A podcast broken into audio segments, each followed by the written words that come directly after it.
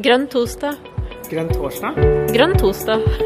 Grønn torsdag? Grønn torsdag.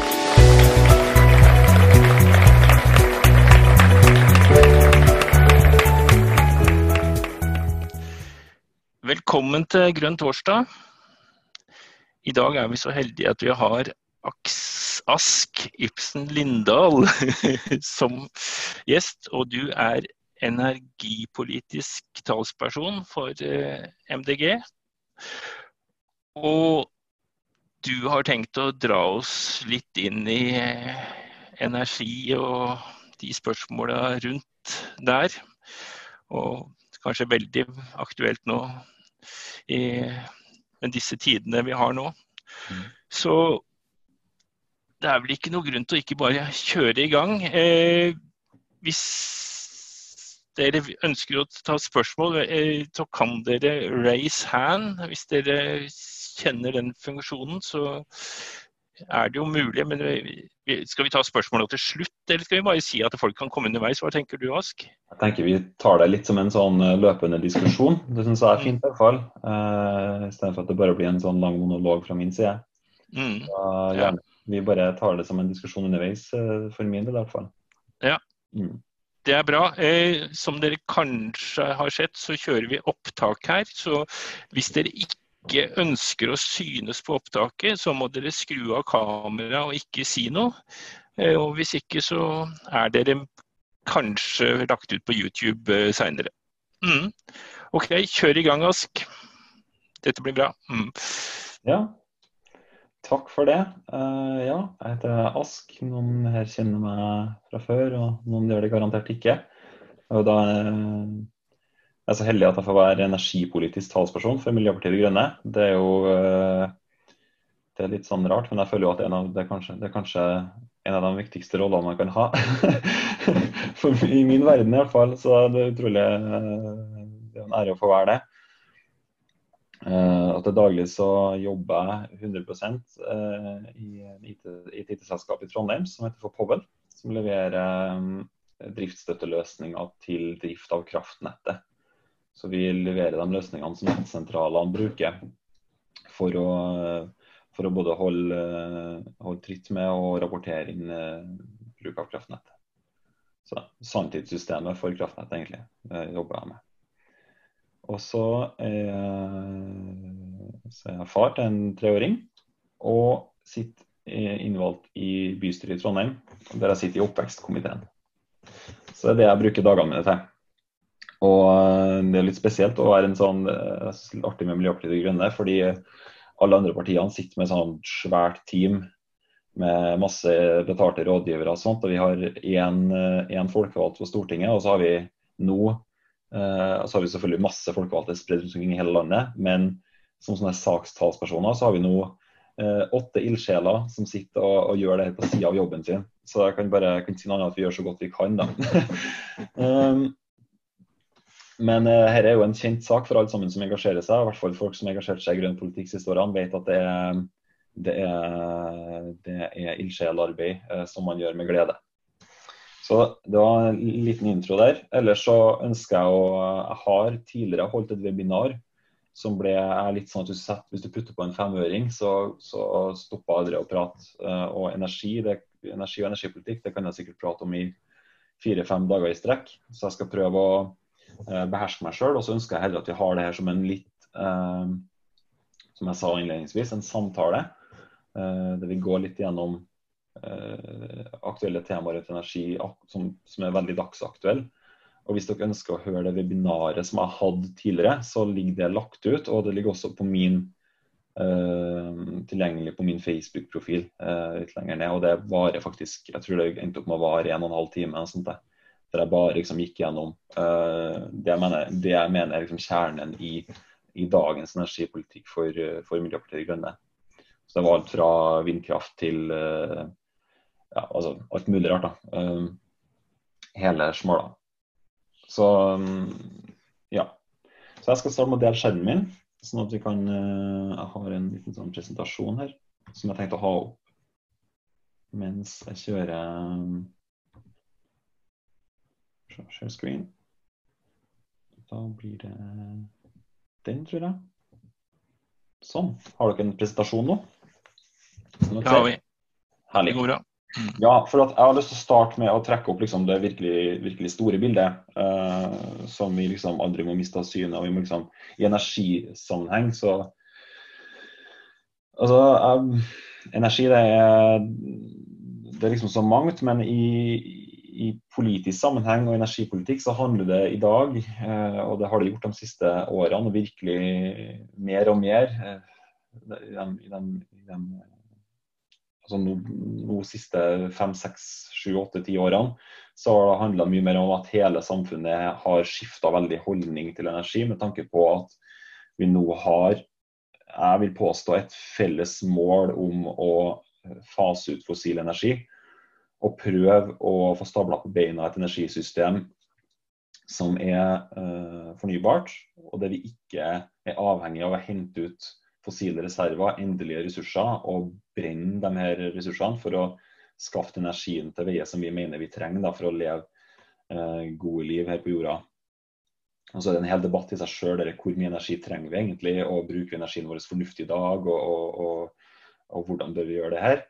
Men eh, det den figuren min eh, illustrerer her, da, som dere ser på bildet, så er det her eh, det er liksom basert på en graf fra Our World in Data, som viser total energiforbruk. Eh, og da snakker vi primærenergiforbruk, altså all den energien som vi henter ut eh, og, og brenner eller, eller, om, om, eller, utvinner på noe vis, eh, vises i grafen her. og Den går jo fram til 2018.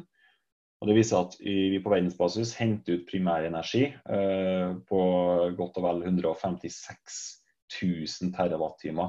Til sammenligning så produserer vi eh, ren strøm fra vannkraft i Norge på rundt 130 TWh per år, pluss-minus. Eh, og Da ser vi den nederste røde linja her. Det er biomasse. altså Tradisjonelt eh, brenning av trevirke og, og, biomasse. Og så har vi den grå linja, som naturlig nok er kull, som vi ser har en uh, tiltakende vekst fra den industrielle revolusjonen og utover til mellom 1900 og 1950. Etter det så har vi en ganske bra vekst i olje. Det er den mørkeblå, mørkeblå delen av grafen. Og den rosa delen er gass. Og På toppen av det så har vi en lyseblå linje, det er vannkraft, og den røde er kjernekraft. Her ser vi da eh, sånn røftlig eh, fordeling av energiforbruket vi har i dag. Og Vi ser jo at det er en eh, ekstrem overvekt av eh, olje, kull og gass. Men så må vi huske på også altså, eh, altså Fornybar energiproduksjon da, det er den lille, bitte lille grønne linja. bitte lille grønne streken dere ser helt øverst. Den er så liten at man nesten ikke ser den. Og Det er da eh, fornybar energi, energiproduksjon som går direkte til å produsere elektrisitet. Og eh, det er da i hovedsak eh, vindkraft og solenergi. Ja, dette er globalt. Globalt, ja. ja, ja. Ja, ja. Det er. Det er hele, og jeg tenker, derfor jeg tenker at det er viktig at vi må spenne opp hele bildet. Uh, det her er liksom den globale situasjonen. Men som også nevnt innledningsvis, er det her primærenergiproduksjon. Som, uh, som betyr at liksom, det er all energi vi, uh, vi, vi, omdanner.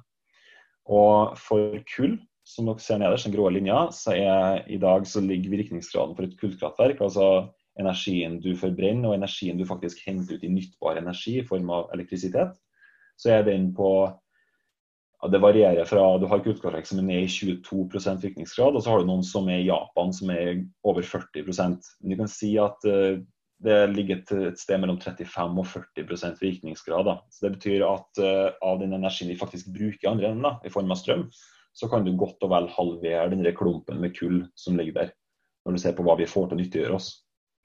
For uh, olje så går uh, den blå linja så går det aller meste i dag til transport. Det er rundt 62-68% går til transport i form av skips, skipsfart, fly, tungtransport. Men i, den største delen er faktisk personbiltransport. Vi bruker mesteparten av oljen, oljen vår til. Og etter det så kommer tungtransport. Og så tror jeg Jeg husker ikke hvem som bruker mest av skipsfart og, og fly. Men det er jo selvfølgelig helt også ulike fraksjoner av oljen vi bruker til det her, da. Men la oss bare si at uh, bare for å se på det her, at mesteparten av det her går til transport. Og for en, uh, for en bensinbil så snakker vi gjerne på om, uh, om virkningsgrader som tallet er et, et sted mellom 16 og, og 25% i praksis. Men for å være litt grei kan vi si at vi har virkningsgrader på mellom 20 og 35 da, i den beste tilfellene hvis du har en hybridbil, kanskje. Men poenget er at du kan også ta den der mørkeblå klatten som er olje vi bruker i dag, og så kan du i hvert fall halvere den for å se på den faktiske energien vi får til å nyttiggjøre oss kontra energien vi henter ut. For uh, gass er det litt annerledes, for at gass uh, har bedre virkningsgrad når vi kjører i gasskraftverk. og Har gjerne en virkningsgrad på over 50% 50-60% Og så bruker vi også ganske mye gass til oppvarming. Uh, vannkraft og atomkraft går direkte til strømproduksjon. Og her er det ikke som, altså Vannkraft er så å si 100 eh, altså ikke 100% men det er veldig høy virkningsgrad på vannkraft. Nesten all energien du kjører gjennom en turbin, den bruker vi for å produsere strøm. Og atomkraft, så det er ikke så hensiktsmessig å snakke om virkningsgrad, egentlig. Det har du bare output. da. Vi, vi bruker brenselet, og så, vi, eh, og så henter vi ut energien fra det. Så hva er poenget mitt med det? Poenget mitt med det er at eh, for det første så ser vi jo ut fra det jeg sa nå, så er det et vanvittig potensial for energieffektivisering. Uh, etter hvert som vi faser ut mer og mer fossil energi. Uh, og det viser også at de her øverste linjene, selv om at de er veldig små, så er det her, når vi sier primær energi for fornybar energiproduksjon, så er det da, da er det stort sett snakk om den faktiske energien du også henter ut fra det. da. Så det er litt, litt avhengig av, av, av, hvordan man måler det, men, men, i det tilfellet så er det stort sett den energien du ser på bildet, den energien du faktisk har. da. Og så En ting jeg ikke har tatt med i bildet nå, som jeg bare skal nevne, er også at mye av de her eh, energi altså Når vi henter ut kull, og når vi henter ut naturgass, og når vi henter ut olje, så er det også en, en ganske bra fraksjon av det som går til industriprosesser eller som råstoff. da. Sånn som gass brukes for å produsere plast. Og kull bruker man f.eks. Til, eh, til eh, stålproduksjon. Så det er viktig å ha en bilde. Men um, som jeg sa, putt på en femøring på meg, så kan jeg bare begynne å snakke om det her. Men, uh, men litt av poenget mitt med det her er at det er en enormt stor oppgave verden står overfor hvis man ser for seg å faktisk kvitte seg med fossil energi.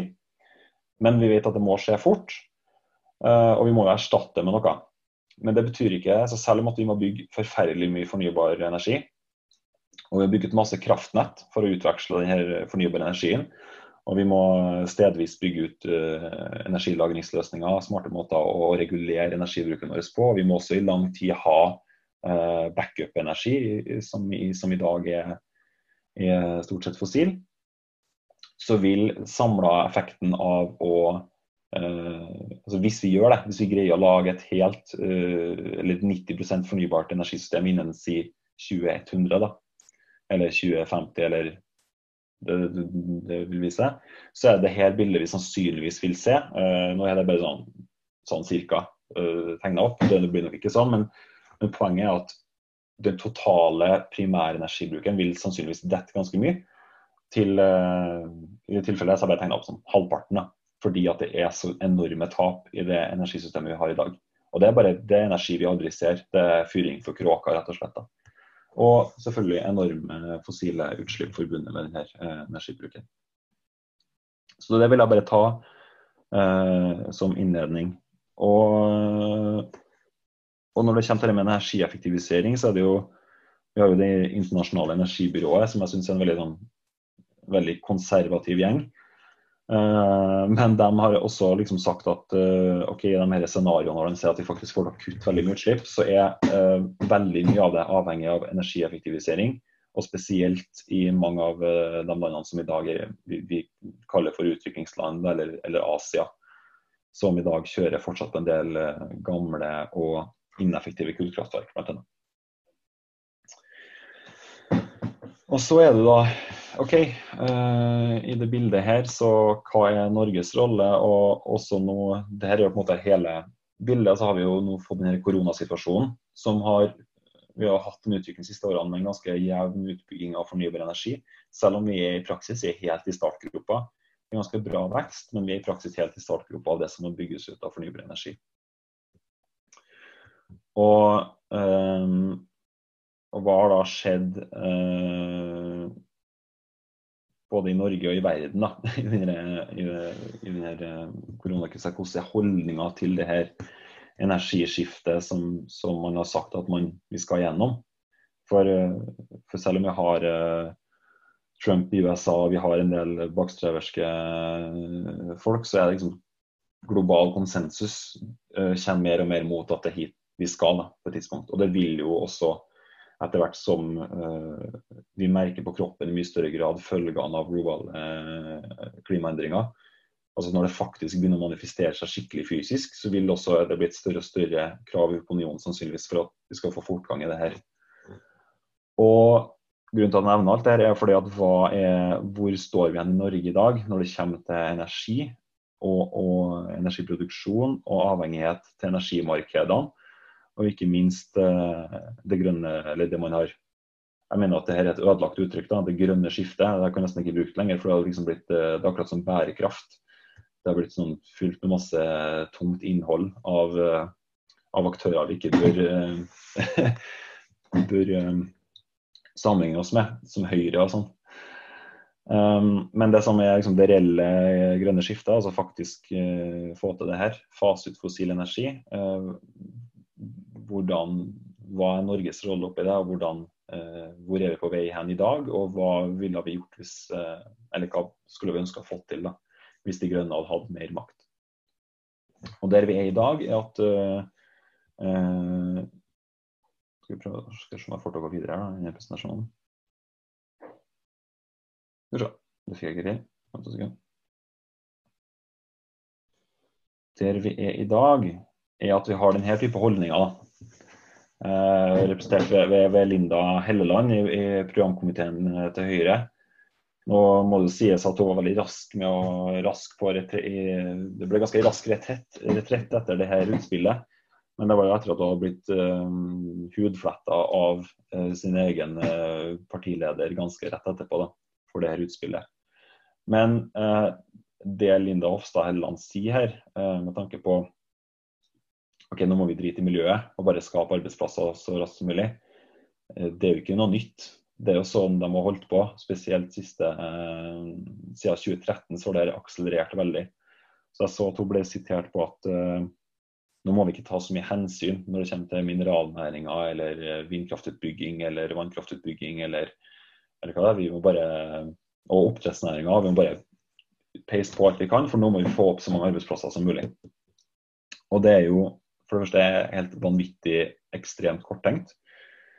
Uh, uansvarlig. Og, uh, og, samtidig så er det litt sånn ja, men Går det an å gjøre det i større grad enn man allerede gjør i dag? For uh, altså Uavhengig av hva man mener om vindkraft, f.eks., så har det den prosessen som har vært rundt utbygging av vindkraft i Norge, har ikke vært god, er min påstand. Og, og, man risikerer å liksom skape mer motstand mot fornybar energi generelt pga. at det, eh, det er liksom gjort på så, en sånn skandaløs eh, måte å gjøre den utbygginga på. Da. Der, eh, der mange, mange, av de plassene hvor det bygges ut, føler, er det mange som føler seg eh, overkjørt, rett og slett. Og eh, at det er et overtramp. Så den reaksjonen som har vært mot en del av er, noen plasser så er det jo det er alltid motstandere av ting, men noen plasser så er den helt legitim, den motstanden som har vært. Og Det handler mye om at vi har en, en høyreregjering som kjører gjennom denne, denne prosessen. Eh, ville nok kanskje ikke vært så ulike om det hadde vært liksom Arbeiderpartiet som hadde regjert, men, men, eh, men, eh, men jeg tenker, bare som å dra fram det, så så lurer jeg på hva er da det neste, hvis man skal ta enda mindre hensyn til folk og, og miljø når man skal skape arbeidsplasser. Og Oppdrettsnæringa turer jo også på. Eh, det er også et litt sånn sidespor her. Men altså der er det jo der, Nå bygger vi oppdrettsanlegg i Vega, eh, naturreservat i Vega. Vi bygger på lønngrunn her i Trøndelag. altså Det er ikke noe eh, det, det er ikke lagt noe bånd på den utviklinga der, i hvert fall ikke. Selv om at den biologiske grensene er veldig tøyd. Og ikke minst mineralnæringa, hvor man har vedtatt å bare sprenge bort noen fjell og dumpe dem i fjorden. Eh, fordi det gir oss eh, inntekter og arbeidsplasser på kort sikt.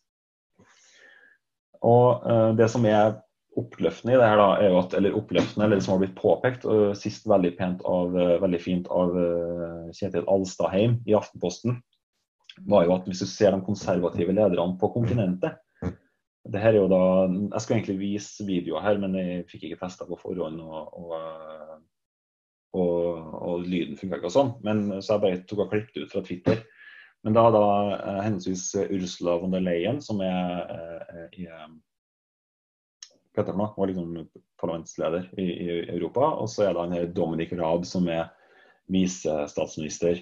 Eller har i hvert fall vært uh, stedfortredende statsminister mens Boris Johnson har vært syk uavhengig. altså Man kan være veldig uenig i både prosjektet EU, man kan være veldig uenig i uh, Torian i Storbritannia, som er konservativ og, og sånt. Men det er bare for, for, å trekke parallellen til det Helleland sier Høyre, så sier, så sier uh, Ursula von der Leyen og Angela Merkel også, og, og hele EU sier at uh, ja, vi har koronakrisa, det har skapt kjempestore problemer, men det gir oss bare en, en altså, nå skal vi bruke muligheten her til å enda større grad satse på denne energiomstillinga.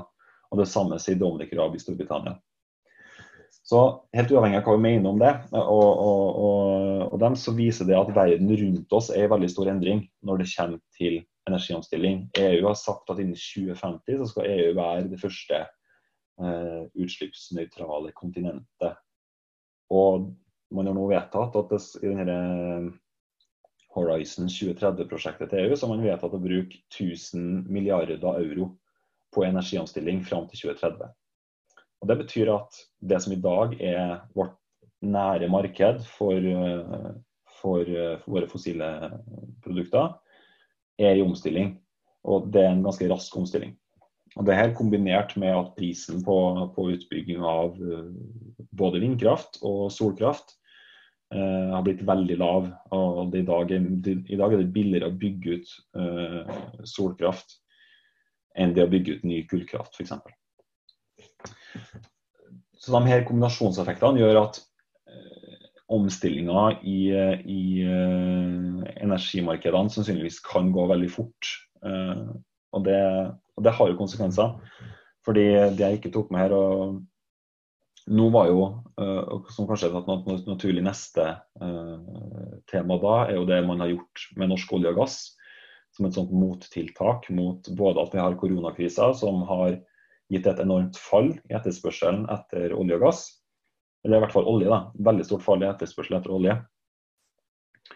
Så har vi eh, også denne priskrigen eh, med Saudi-Arabia og OPEC på ene sida, og Russland som, eh, som, har bare pumpa masse, masse, ressurser ut på markedet for å, for å presse unna bl.a. amerikansk skifer, eh, skiferolje. Så Det er en sånn dobbel, dobbeltstorm som treffer Norge med det. Og det viser jo nok en gang at vi er veldig altså, Man kan jo snakke mye om at kanskje i framtida, om to år, så vil oljeprisen være tilbake igjen. Men gi det fire-fem år til, da, så kanskje det var et nytt fall. Så, så vi har opplevd stort fall i 2014. Vi opplever et stort fall nå pga. koronakrisa og denne priskrigen. Men etter hvert som denne, energi, eh, denne energiomstillinga kommer i gang rundt omkring i verden, så er det spørsmålet vil vi se en kamp da, om å liksom få uh, Det blir en sånn kamp om hvem er det som skal få pressa ut uh, fossilreservene sine ut på markedet før det ikke er noe marked igjen å selge til, eller før prisen blir så lav at, uh, at de ikke får solgt unna. Det er en sånn forenkla analyse, men det er liksom det som er bildet framover utover 2030-tallet. Og når vi da i Norge velger å eh, si at eh, ok, vi skal gjøre de her avskrivningsreglene for oljeskatten, i dag så må de skrive av eh, utgiftene sine Eh, på skatten over, over seks år. Og nå har vi valgt å, for 2020 og 2021 å gjøre det til bare ett år. I praksis det betyr det at det blir veldig mye mer likviditet til å drive med oljeprosjekter, sånn at vi ikke mister leverandør eh, Altså ikke leverandørindustrien går konkurs og folk står helt uten jobb og, og, og, og det ikke er noe aktivitet i det hele tatt. Så er det liksom for å holde hjulene i gang. da, På tross av at oljeprisen tilsier at uh, altså, man, i, i, beste fall så går du i null, da, kanskje. Og så hele, hele liksom, logikken rundt det fra statens side at jo, men vi må holde, vi kan ikke, vi må, et, vi må dempe det fallet som er oljenæringa. Og så satser vi på at de her pengene som, som uh, beløper seg til rundt 100 milliarder, det vil vi få uh, tilbakebetalt igjen i framtida når det igjen begynner å lønne seg å selge olje. Så det er liksom helt sånn Man kan diskutere lenge sånn økonomiske aspekter rundt det. Men en ting er det økonomiske aspektet rundt det, og hvor lurt det er for oss å, å være så avhengig av olje og gass, som vi har kritisert i, i all herrens år, men som vi nå da faktisk er. Eh, men så er det også denne hele denne biten eh, altså vår si, både moralske og egentlig strategiske forpliktelse til å posisjonere oss inn i det her uh, store grønne det, grønne skiftet, denne store energiomstillinga. Fordi vi har valget. da. Norge kan være en aktiv pådriver. Vi kan få på plass nye industrier som faktisk leverer til uh, ikke bare en sånn, sånn, sånn uh, markedsføringsprosjekter med noen små havvindparker ute i, i Nordsjøen for å for å sende strøm til noen oljeplattformer, men har faktisk satse veldig tungt på å utvikle og bidra til å presse kostnadskurvene ned for ny, for, for ny fornybar produksjon og for ny fornybar teknologi. Så vi kunne ha valgt å være en aktiv uh, pådriver og gjort det, eller vi kan gjøre det som vi gjør nå, og det at vi sitter på gjerdet, er passiv som eh, i hovedsak oljeproduserende, en oljeproduserende økonomi som har en innebygd motstand, eh, eller et innebygd insentiv da, til å, til å, jobbe for at det egentlig ikke skal gå så fort med energiomstillinga. For hvis energiomstillinga går for fort for vår del, så betyr det um, så er det dårlig nytt for å få solgt eh, de ressursene økonomien vår er avhengig av å få ut. Da. Så Nå ble det veldig mye, veldig mye pakka inn i, i, i ett resonnement her. Men essensen er at verden rundt oss er endring. Vi er oljeavhengige, som vi aldri har vært før. Um, okay, man kan argumentere med at de som mista jobben i rundt 2014, uh, da, da, ble det rundt 40 000 arbeidsledige. Og veldig mange av dem har funnet jobb uh, utenfor oljenæringa. Det er jo bra. Uh, men det er fortsatt utrolig mange høytlønna uh, folk, dyktige folk, som er, som er avhengig av at den næringa går bra. Så Sånn sett så, så kan man, det, det er ikke en sånn det er en viss logikk i det som nå gjøres, med tanke på å holde denne næringa i gang på kort sikt for å unngå en kollaps. Men samtidig så bare det påpeker nok en gang da, at hvis vi hadde kommet i gang med en omstilling, hvis vi hadde begynt å satse på andre typer teknologier og industrier i 2013, 2014, 2015, etter forrige fall, så, så ville vi kanskje vært bedre stilt i dag. Da. Og vært med på å levere løsninger til verden som berger oss fra klimakrise, framfor å levere det som faktisk skaper denne krisa. Ja. Um, skal jeg bare gå videre, eller uh, Jon? Du må bare si ifra hvis det blir for mye prat på inn- og utpust her. Det var mye prat på ut- og innpust, men uh, når det må gjerne komme med kommentarer og sånn, dere, dere andre møtedeltakere. Men eh, jeg tenker vel du bare fortsetter, jeg også for eh, folk Nei, der kom Torbjørn Dahl, ja. ja. Så bra. Da har du sjansen, Torbjørn. Ja, Nydelig. Det liker jeg, vet du. Altså, jeg, kan dere høre meg? Hører deg godt. Ja, fint. Um, eh, for å ta det globale.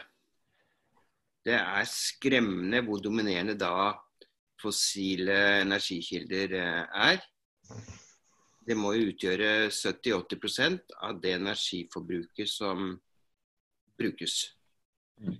Eh, nå, det er sikkert riktig det du sier, at 50% av energi, det fossile brenselet vi bruker, er å fyre for kråka. Slik at eh, energiøkonomisering er et stort potensial, har et stort potensial. Men likevel 50% Og når man ser på toppen hvor lite lite eh, so, eh, si, vindkraft og vannkraft utgjør, så er det et enormt gap. Hva ser du for deg hvis vi skal ha samme energibruk i framtiden som vi har i dag, eh, ta hensyn til at de 50% energieffektivisering. Altså, hva, hva, ser du for deg? Altså, hvor mange vindmøller betyr det? Hvor mange solpaneler betyr det? Hvor, eh, hvor mange vann... Skal vi se Elver skal, skal demmes ned. Mm. Har du noe begrep på det? Nei, for det første elva demmes ned, håper jeg det blir ingen. da. Og så tenker vi er ferdig med å hente ut mesteparten av potensialet fra vannkraft. Um, og det er klart Vindkraft er jo, er jo av gode grunner også, også omstridt, uh, i hvert fall med, med lokal motstand rundt omkring. Jeg, jeg, så, jeg husker ikke tallet, men det var 135 000 vindturbiner i Tyskland, eller et eller annet jeg husker ikke tallet. Men, men, eh, men, eh, hvis du ser på arealet som trengs i verden å bygge ut Hvis du bygger ut et areal i verden, hele verden, så tror jeg hvis det, hvis du skal det arealet til Spania da, Det er ikke et lite areal, det er et veldig stort areal. Men sammenlignet med hele verdens overflate, så det er et ganske moderat areal. Og hvis du bygger ut hele arealet da, til Spania med, med solceller, uh, og det er med dagens solceller, så ville du kunne forsynt hele verden med elektrisitet. Med dagens elektrisitetsforbruk. Så det man er helt klart avhengig av, er jo, og det er litt derfor jeg nevnte så vidt i stad, at det er først nå at vi ser at prisen eh, priskurven for de her teknologiene har blitt veldig lav. Den har kommet under. Det er jo bare i 2018 tror jeg at, den, at de kom under det vi kaller for grid parity da, på, på, på strømproduksjon. At, at vi begynte å, begynte å, se gjennomgående at rundt omkring i hele verden eh, produksjon av strøm fra de her kildene kom under gjennomsnittet av produksjonskostnaden på nettet. Så det er klart at Du må jo ha en, en sånn supereksponentiell vekst i utrulling av, uh, av f.eks. solcellepanel og det må bygges på uh, arealer som allerede er berørt. Men det er klart at eh, det er en helt vanvittig utbygging. Det er det. Og, og, det jeg mener, hvis du spør meg personlig, så mener jeg at en kombinasjon av eh, en kjempestor oppskalering av solkraft og havvind, som er den kombinasjonen som vil kunne gi oss nok energi til å erstatte, og da snakker jeg bare om å erstatte dagens energi, ikke hvis du tenker bare erstatning av fossil energibruk, så er det kombinasjonen havvind og solkraftutbygging og utvekslingskapasitet som er, som er det som, som, ser ut til å utkrystallisere seg som, som det som vil, vil, bli bygd ut. Da. Det, er, det, er altså det, er en kombinasjon av flere ting. Altså, havvind er ganske dyrt i dag, men det har en, veldig, en ganske bra fallende priskurve, det også. Og, og, og solkraft er billig. Men det som er greia med begge to, er at de også har det man kan kalle, man kan kalle sosiale kostnader for utbygginga. Det er utbygging som har eh, som i mye mindre grad eh, berører både folk og natur enn f.eks. hvis du skal bygge ut bare landbasert vindkraft. På de plasser hvor det er best vindressurser, så, så ser du jo den motstanden som allerede nå vokser fram i Norge. Så, så, det vil nok sannsynligvis eh, Jeg har faktisk en slide om det senere i presentasjonen. Men jeg, min påstand er at utbygging av landbasert vindkraft Ja, det er et teknisk potensial som er kjempestort. Vi kunne ha liksom bare bygd ut og erstatta kjempemasse strøm med det. Men, eh, men, at du vil få en sånn Den praktiske potensialet er begrensa fordi at du får så stor motstand mot det. Så jeg vet ikke om det var svar på spørsmålet ditt, men det, svaret på spørsmålet er kanskje at kombinasjonen solkraft og Eh, havvind. Og ikke minst, viktigst, elektrifisering av transporten. Da. Men den snøballen har begynt å rulle i så, så, stor fart nå at det kommer til å se, nesten skje av seg sjøl. Så, så, verdens levestandard bør ikke senkes? Du mener at den kan opprettholdes gjennom eh, økt produksjon av eh, fornybar energi og effektivisering? Spørs hva du legger i levestandard, da. Altså, jeg mener at uh, Det er en litt sånn falsk uh, motsetning å sier at høy levestandard krever et veldig stort fotavtrykk både på energi og materialbruk. Eh, har du noen kommentar til Michael Moores siste film? ja, ja at, uh, det har jeg. Jeg har faktisk en, noen egne slider på det etterpå. Vi kan godt komme tilbake til det hvis du vil det.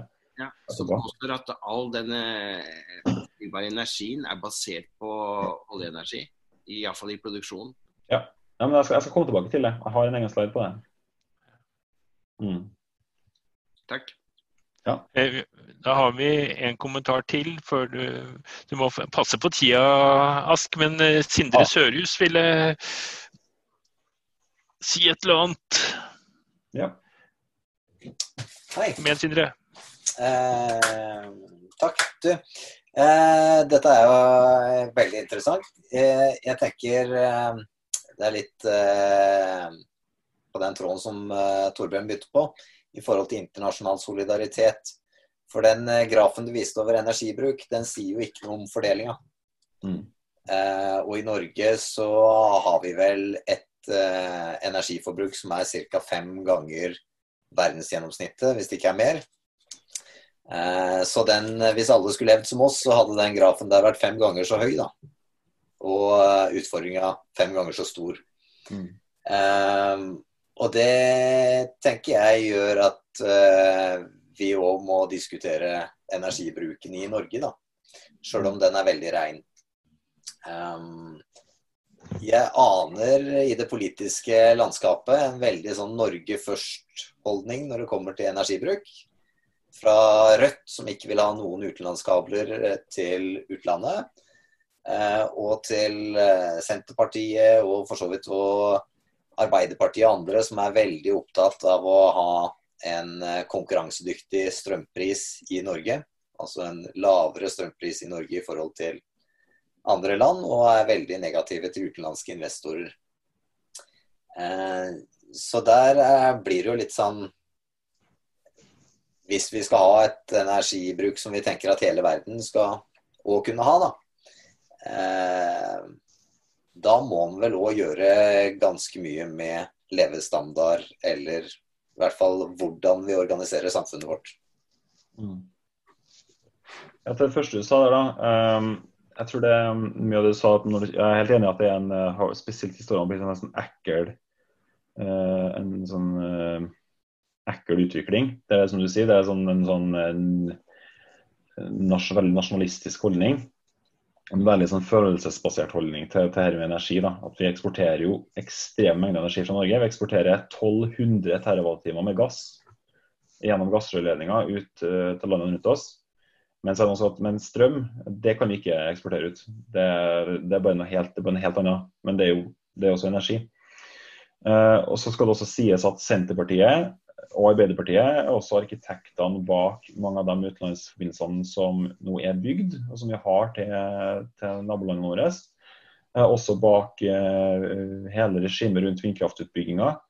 eh, og grønne sertifikater. alt sånt. Det har det vært konsensus om. Men det er klart at når har eh, Når de føler at det er en, en, um, en, en danner seg en, en, en nisje i opinionen som de kan gå inn og, og selge seg inn til og si at vi er mot alt det her, så, så gjør de jo det. Det tenker jeg det er bare politikk som vanlig. Det er litt sånn snu kappa etter vind-holdninga. Og Rødt vet ikke jeg, det er kanskje litt mer ektefølt der, da, men det er en veldig sånn gammeldags tanke. Det er en veldig gammeldags tanke, fordi at eh, kraftsystemet har utvikla seg altså, helt eh, vanvittig de siste 20 årene. Du kan ikke, for, for Før så var det faktisk sånn at det kraftverket du hadde i kommunen din, det forsynte kommunen din, og så hadde du kanskje litt utveksling. Men i dag har vi utveksling. Vi har et kraftsystem som er sydd sammen. Vi utveksler masse strøm med nabolandene våre i dag. Og det her er vi, Hvis du ser på kostnadskurven for strøm for oss, og hva det har for å si for vår egen energiforsyning, og ikke minst det vi var inne på innledningsvis, energieffektivitet, så er det helt, helt avgjørende. Eh, Du vil ikke kun, Det er helt, altså det er i praksis umulig å omstille deg til et fornybart energisystem uten å ha eh, stor utvekslingskapasitet. Og Det er også den mest stor, stor skala utvekslingskapasitet mellom land og mellom regioner er også det mest energieffektive effektive i et systemperspektiv. Så, så, det er veldig sånn kan, altså Det er en helt legitim debatt. altså Man skal være for eller mot f.eks. NorthConnect, da, som, en, som er en kabel som vi ikke trenger for å sikre vår egen energiforsyning, men som kun er en balansekabel da, fordi at du har ekstremt overskudd av fornybar energi til tider i Skottland som de trenger å få eksportert ut, som de ikke får til i dag. og Da står valget mellom NorthConnect til Norge eller at de tar det via Storbritannia over til, eh, til eh, kontinentet. Da. Så, så, så jeg jeg og den, jeg synes det er veldig vanskelig den energidebatten sånn som det har blitt nå, fordi at den er veldig lite basert på hvordan verden faktisk fungerer i dag. Veldig lite basert på fakta, men veldig basert på en sånn uh, en fortelling om at, uh, om at vi sitter på ren vannkraft i Norge som vi sitter på i Norge, som er innenfor våre grenser. Men det er ikke sånn energisystemet er i dag. da.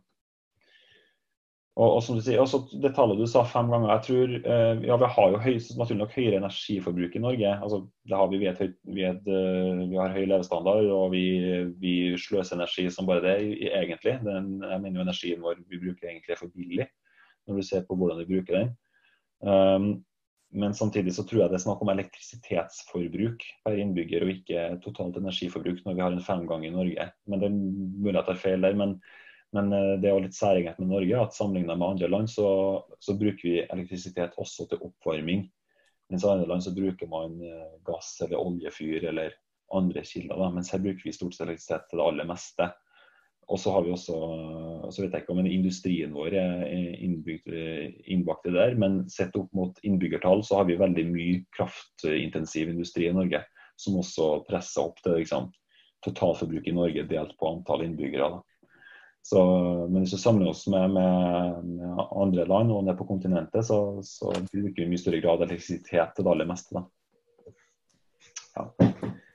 Jeg skal bare si det var eh, sånn eh, primære energikilder, ikke bare elektrisitet. Jeg tror på elektrisitet så er vi enda mye høyere.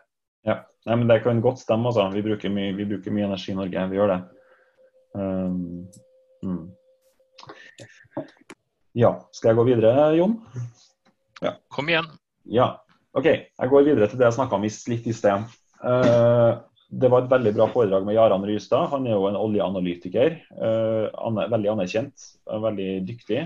Uh, og han, har også, han har jo tidligere forutsett med sine analyser, og han er jo liksom veldig åpen på at altså, alt er bare analyser, men etter beste evne da, så har de prøvd å sette en utvikling der vi kanskje har toppen i etterspørselen etter olje mente de tidligere kanskje ville komme i 2028. Og så har vi andre, sånn som eh, DNV GL, eh, Norske Veritas, eh, som har kommet med rapporter der de har ment at toppen i etterspørselen kanskje kommer i 2023-2024. Og I det foredraget Jarand Rystad hadde, som ligger åpent ut på tu.no, så ligger det, eller bare søk det opp. Det er veldig bra. Vi går også litt gjennom de også ser litt sånn på, på, på smittetall for korona og sånn. Men men uh, og som han sa under det foredraget, så var det her bare sånn helt løst eh, tegna opp. da, Men man kan tenke seg en sånn uh, utvikling sånn som det her, der vi får der vi hadde en topp i, produksjonen, den røde linja, der vi hadde forbruk. Og så har vi fått et kjempestort fall i forbruk. Han går også gjennom sånn sektorvis da, hvor, hvor stort har fallet vært innenfor flytrafikk, innenfor transport, når det kommer til oljeforbruk. Og så vil nok det her sannsynligvis øke igjen. Men samtidig så så er det eh, så den analysen han har, og det er også kanskje en, en, en naturlig analyse, at, at det oljeforbruket kanskje aldri når eh, de høydene det hadde før koronakrisa. Og Det handler jo igjen om situasjonen for Norge, og også utsiktene til ikke bare oljeprisen om to år, men oljeprisen om seks, åtte, ti år. Og, og at uh, han mener at etter hvert som det blir mer og mer fokus og mer og mer uh, omstilling i energisystemene, så vil det også slå ut på oljeprisen. Og Det er jo det som er førende da, for denne, det gradvise fallet som ligger her. Men nå kan det hende at det, det skjer enda raskere. Og Det er også veldig viktig å ha med. Og Den fortellinga som kommer fra, fra, fra norsk oljepropaganda, uh, er jo at vi skal elektrifisere produksjonen vår.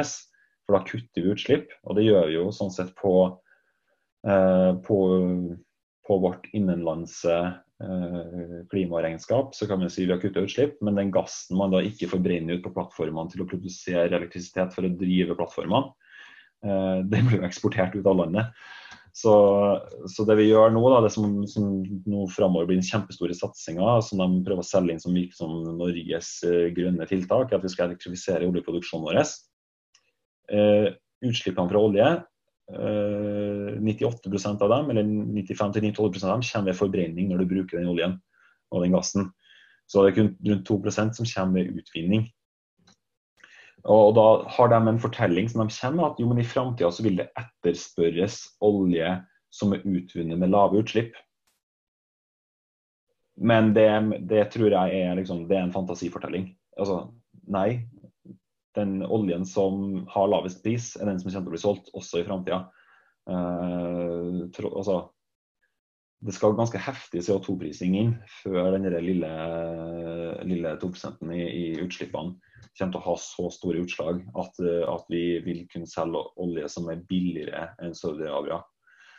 Og, og, Det som er farlig med den argumentasjonen til Norsk olje og gass, er at ja, da kan jo Saudi-Arabia bare koble på et sol, solcelleanlegg da, på sin produksjon. De produserer til 13 dollar per fat. Eh, og så kan du si ja, men vi har også grønn produksjon av olje. Edda bedda. Så det er når vi hører den oljepropagandaen som går på her at ja, vi skal bare eh, elektrifisere produksjonen vår, så blir alt sammen fint, og så kan vi holde på å produsere olje fram til 2100. Det, det, er noe som kommer til å koste oss som samfunn ekstremt dyrt. Og, og det gjør i det bildet her så betyr det at vi fortsatt, vi som samfunn, vi som norske innbyggere og, og hele økonomien vår, som vi er avhengig av, skal ta samla, skal ta den risikoen. da vi skal gamble på at i framtida uh, så vil det være høy nok oljepris uh, til å rettferdiggjøre den industrien i Norge. Det, det er sånn dobbelt, trippelt negativt. Det, det, er negativt fordi det er risikabelt på, på mellomlang sikt økonomisk. Det er moralsk forkastelig fordi at vi fortsatt skal være en leverandør av uh, fossile energikilder til, til verden.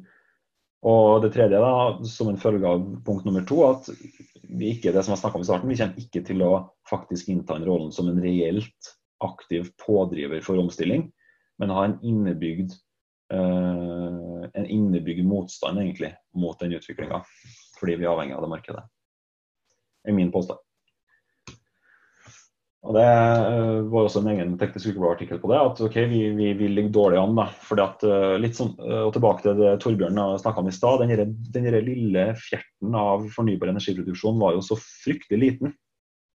Men igjen så er det sånn fra 2010 da, og fram til i dag, hvis du ser på utbyggingskurven for fornybar energi, både vindkraft og solkraft, og nå også offshore vind, så er det en veldig bratt utvikling. Og det er ingenting som tilsier at den kommer til å stoppe. Og det her har jo bl.a.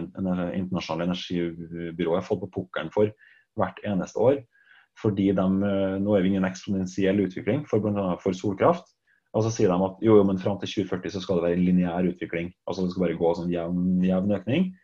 Mens uh, hvis du ser på den erfaringskurva for de siste årene, så er det en eksponentiell utvikling som bare går raskere og raskere og raskere.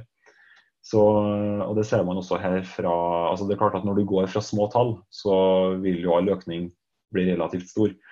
Så man må, man må ha ganske stor økning og ganske prosentvis, store prosentvis økninger år for år for at det faktisk skal gjøre store utslag. Men det som er greia med eksponentiell vekst, eller sånn S-kurveutvikling, er at uh, når, det først, når, du først har fått opp denne, uh, altså denne uh, utrullinga av ny teknologi, eller i tilfelle nye energiproduksjonsløsninger, så vil det på et tidspunkt gå veldig fort. Og, og det ser vi også for den utbyggingstakten for offshore havvind. Så er den helt i startgropa av å virkelig sparke i gang. Eh, og nå kommer det også store nye havvindprosjekter i USA eh, og i Storbritannia. Og Europa kommer til å satse massivt på havvind i, i Nordsjøen. Og det her er liksom her kunne vi, her kunne, det her er det vi kunne liksom gjort, da, som, som, vi tok til orde for, eller som Rasmus Hansson på oss uh, tok til orde for allerede i 2012-2013. Nå må vi omstille oss og virkelig begynne å satse hardt på offshore havvind. Og, det handler, og det, Da er vi tilbake på det vi snakka om i stad. Jo, det, vi kunne ha satsa på en hvilken som helst fornybar teknologi, vi. Men det her er en plass hvor vi har fortrinn. Og det er det man snakker om i dag. At, uh, at uh, okay, vi, må, vi må gi olje- og gassnæringa uh, skattetiltak, og vi må hjelpe dem og sånn, fordi at vi må ikke miste denne verdifulle kompetansen. Denne verdifulle kompetansen trengs også mange andre steder. Men sånn som det er i dag, med en, med en, økonomi der vi i praksis skattesubsidierer og framelsker, og vi, vi, pøser penger inn i olje og gass Vi, bruker, vi investerer sju ganger så mye i olje og gass uh, og offshore som vi gjør på all annen innenlandsindustri til sammen. Så betyr det at all kapital går til uh, olje og gass. Alle de smarteste folkene uh, for de smarteste ingeniørene går til olje og gass, fordi det er der du har høyeste lønninger, naturlig nok. og det gjør også at vi da ikke har verken kapitalen eller folkene til å sparke i gang reell satsing på annen ny teknologi i Norge.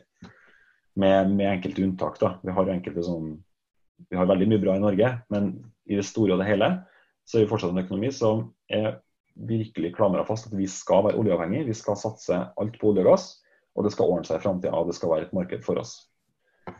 Så det, det, det, det er det som er holdninga i dag. Da. Og det er den sitter langt inn altså, hos, hos alle liksom, styringspartier i Norge i dag. Det der er fortellinga. Det er det Norge er. Og det å skulle kjempe mot det og få noe gjennomslag for å få til endring der, eh, da skal, da skal, De Grønne gjøre et ekstremt godt valg i årene framover. Hvis vi skal faktisk greie å prøve å få snudd denne skuta der. Med mindre, med mindre markedet forsvinner da, og, og hele greia faktisk kollapser i et fem til ti års perspektiv. Og, men da er vi virkelig ute å kjøre, da. Som økonomi. Det er, det er veldig, veldig, bra. Men tida går fort, da. Ja, ja. Er, men det er faktisk ikke, jeg har faktisk ikke så mye igjen. Uh, så jeg har gjentatt meg mye her nå, da. Men jeg skal bare ja, jeg kan hoppe. Tor, Torbjørn var litt interessert i filmen til Michael Moore. Og... Ja. ja. Mm. Jeg skal komme inn på den. Jeg skal bare ta en sammenligning her, da.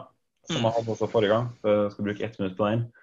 Uh, og det er, det er, et sånn tenkt scenario, da. Men hvis du skal bygge ut uh, rundt 20, hva blir det, 22 TWh da, med en landvind, landbasert vind, som det nå ligger an til at blir bygd ut i Norge, og så igjen, uavhengig av hva man mener om det, så ligger det an til at det blir bygd ut ganske mye landvind i Norge, så vil det kreve rundt 2000 turbiner å bygge ut det.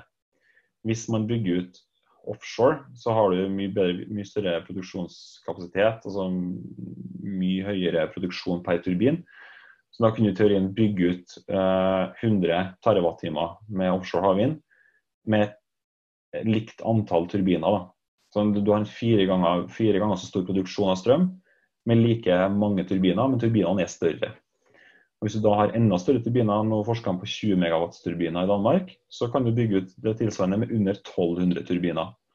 Det sier litt om liksom Man kan potensielt få opp ganske stor produksjon da, av ny energi eh, på, en, mye bedre måte enn, enn hvis man går for landbasert vind. Da. Men jeg skal gå over til denne filmen. Uh, og jeg kunne også snakka veldig lenge om den filmen. Uh, men jeg vil bare starte med å foreslå hvis uh, til dere som hører på, hvis, det, hvis, dere har tatt dere tid til å se den dokumentaren, for jeg så hele dokumentaren, og har brukt 1 time og 40 minutter av livet mitt på å se den dokumentaren, så håper jeg virkelig at dere også setter av en halvtime til å, til å se litt på den gode kritikken som er av dokumentaren.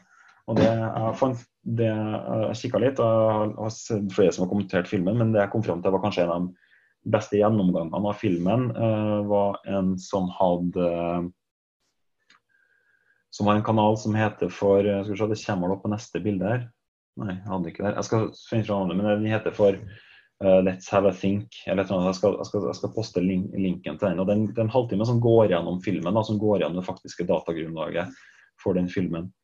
For Det som er gjennomgående for den dokumentaren til Michael Moore, eller det er ikke Michael Moores dokumentar, men han har liksom satt godkjentstempelet sitt på den, er at den har en sånn ekstremt uh, lemfeldig omgang med fakta. Og det um, Jeg har sett flere sånne Man kaller det ikke for documentaries, men shockumentaries i USA. Det er liksom nesten en egen sjanger. Det er sånne nordamerikanske dokumentarer. For de er veldig uh, følelsesbasert. Og, um, og skal liksom få fram et sånt hovedpoeng. da, Uh, for å få fram det poenget så skyr man nesten ingen midler. Uh, og I tilfellet her så var det liksom gjennomgående veldig dårlig bruk av, av uh, tall. Det var veldig lite tall generelt. Det var mye sånn bilder av ting, snakka med noen random folk og så, ja, for å gi inntrykk av sånn er det. mens han som har laga denne gjennomgangen her, går veldig ryddig gjennom det og faktisk ser på ok, men hva er faktisk situasjonen. da. Så jeg kan ikke si annet at uh, den stort sett, da, uh, inntrykket mitt er at den dokumentaren stort sett er ekstremt misvisende, med, med noen unntak. Jeg uh, syns det er veldig godt poeng at det er håpløst å bruke biomasse, altså brenning av, av treverk, for å på en måte skulle å kalle det fornybart. Uh, drive storskala brenning av skog. Det, det, er veldig legitiv kritikk av det. Og det er også noe man bare må gå bort fra. Det er jo ikke bærekraftig i det hele tatt. Og, um, um, og så er det jo det som også den grønne bevegelsen kritiserer, er jo liksom det totale både energi, altså energiforbruket, men også det totale hvordan økonomien vår er lagt opp. Da. At vi har en lineær økonomi det som handler om å bruke ressurser. Uh, fordi at vi har liksom uendelig tilgang på dem. Uh, få produsert ting så billig som mulig med de ressursene, og så bare dumpe dem i andre enden. Uh, mens det vi, det vi, som jeg tenker som hele grønnbevegelsen er enige om på sikt, er at vi, skal, vi, må jobbe for å både bli kvitt fossil energibruk, men også komme over til en, en mye større grad sirkulær økonomi. Litt tilbake til det Torbjørn var inne på i stad. At, at, at, ja, vi kan ha velstand, men vi trenger ikke nødvendigvis ha et sånn enormt forbruk og et enormt avtrykk for å ha det. Og siste kommentaren jeg skal ha sånn generelt om den filmen, er at det som er det, det, mest ille med den, er at, og det kommer flere ganger, er at de er, begynner å bevege seg inn på et mer sånn økofascistisk spor. Det er konklusjonen deres. Fordi at du forventer en dokumentar som kritiserer noe, ok, men hva er løsninga? Kjenner ikke en eneste løsning gjennom filmen. Men det som går igjen og blir nevnt flere ganger, er at nei, det er befolkningsvekst som er problemet. Og det er bare liksom sånn OK, ok, greit, du mener befolkningsveksten er problemet, men da vil jeg høre hvilke verktøy ønsker du å bruke for å gjøre, noen, eh, for å gjøre noe med befolkningsveksten. Og da, da er du inn på uh, ganske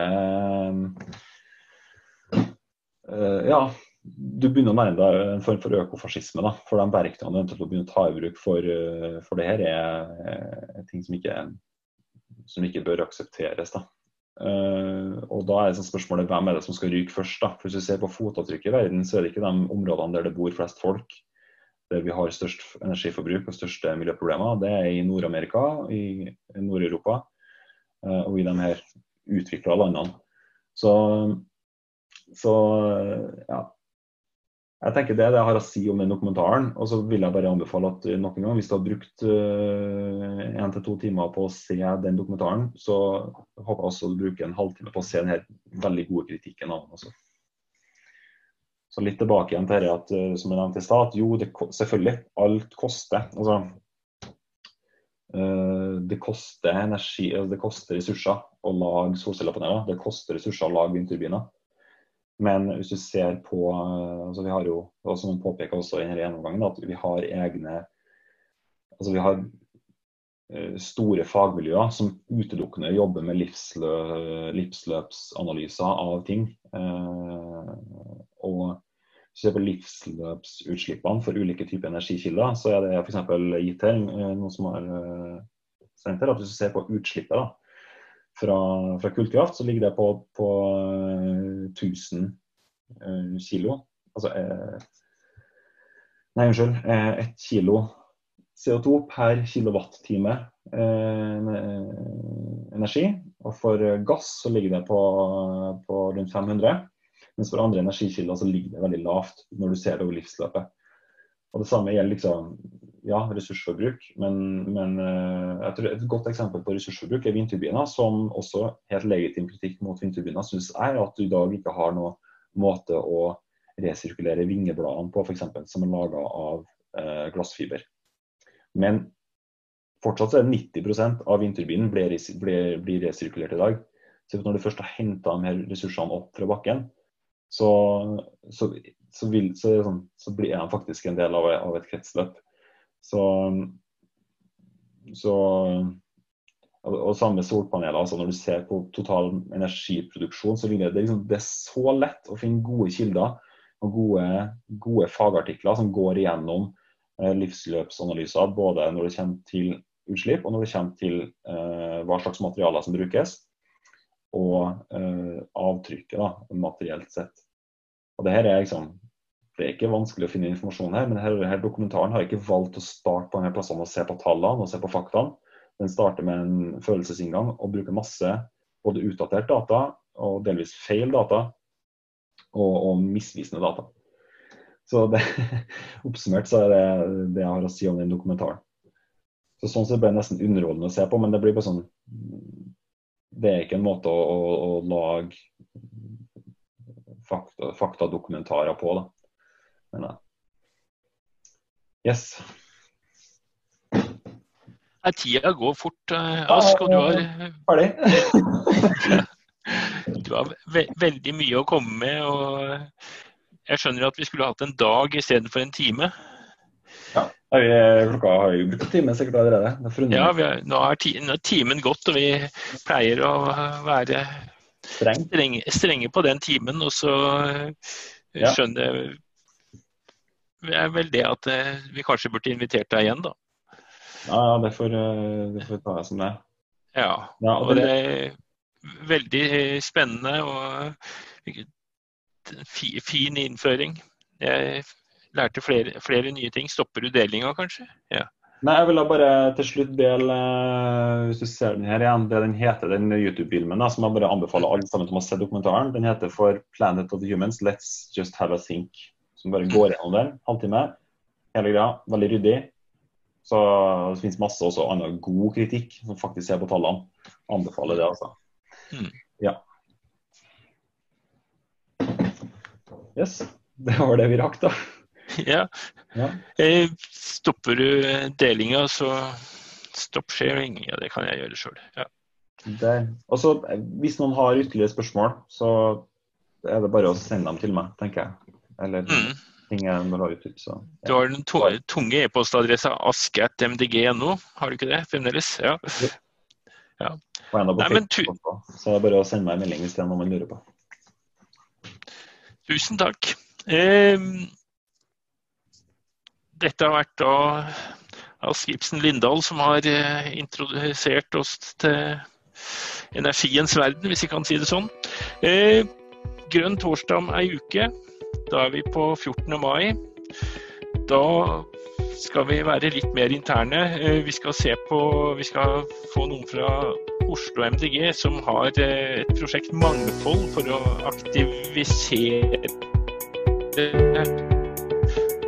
flere grupper internt i partiet. Eh, Men det er jo internt det er jo politisk eh, Så vi kan se- se på det. sånn, Hvordan aktivisere flere grupper, dårlig. Så dette blir spennende. Tusen takk eh, for deltakelsen.